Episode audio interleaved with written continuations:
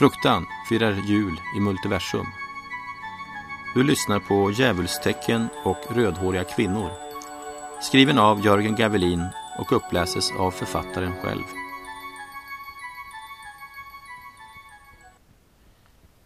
Baren var inklädd i en röd sammet som hade sett sina bästa dagar.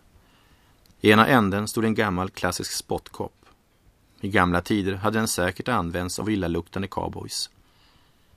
Programledaren känd från ett konsumentprogram bara ryste vid tanken.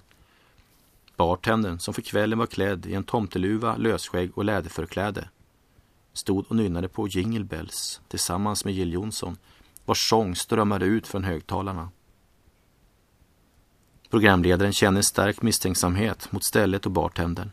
Men eftersom han hade blivit rekommenderat stället av Steffo, som var en erkänd livsnjutare, så måste det vara bra. När han såg sig om i baren såg han en till gäst. En långhårig äldre typ med runda solglasögon och tatuerade armar. Jaha, vem är du då? Programledaren ställde frågan rakt till mannen. Iron Man! svarade han och satte upp näven och spretade med tummen och lillfingret. Jaha, en hårdrockare, tänkte programledaren. Bäst att hålla sig lugn. Men när mannen inte sa något mer fick programledaren fortsätta. Han måste få veta. Är du djävulsdyrkare? Mannen sträckte åter upp, upp näven och visade tecknet. Djävulstecknet, tänkte programledaren. Fuck you, sa mannen. Då klev bartendern fram och ställde sig framför baren och dansade runt i salen samtidigt som han sjöng Rudolf med röda mulen. Jaha, nu vet jag vem du är, sa programledaren och pekade på mannen.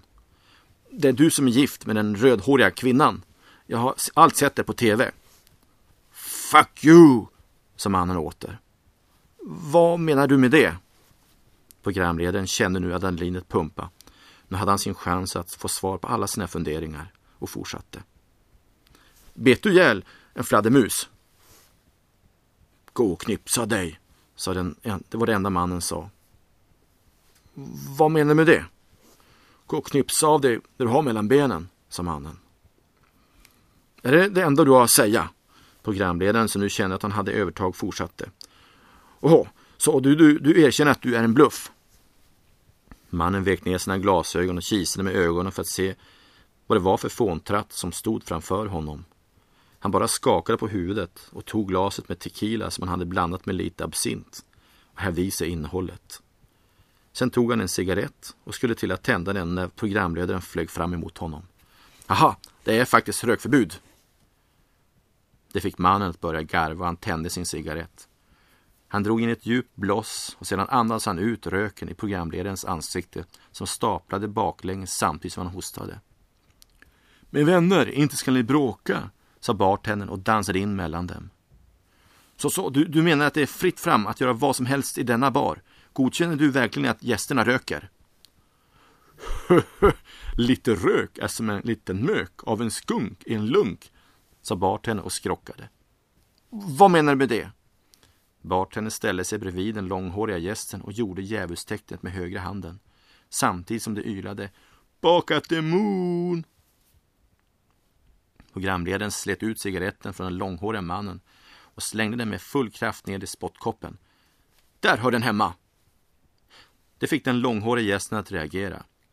Nu tar vi och taggar ner oss lite va. Jag relaxar bara. Jag behöver få lite frid. Min själ har varit ute på en lång resa och den vilar nu. Så tagga ner. Okej, vad har du gjort i år som är så märkvärdigt? Den långhårige mannen tänkte efter. Uh, jag kommer inte ihåg. Du bartendern, berättar du. Den dansande bartendern stannade upp mitt i dansen. Du har varit på en världsresa där du fyllt unga själar med näring, sa han eftertänksamt. Då ställde sig den långhårige mannen mitt i baren, höjde armarna i luften och sjöng med mörk stämma. Är det slutet min vän? Satan kommer runt hörnet.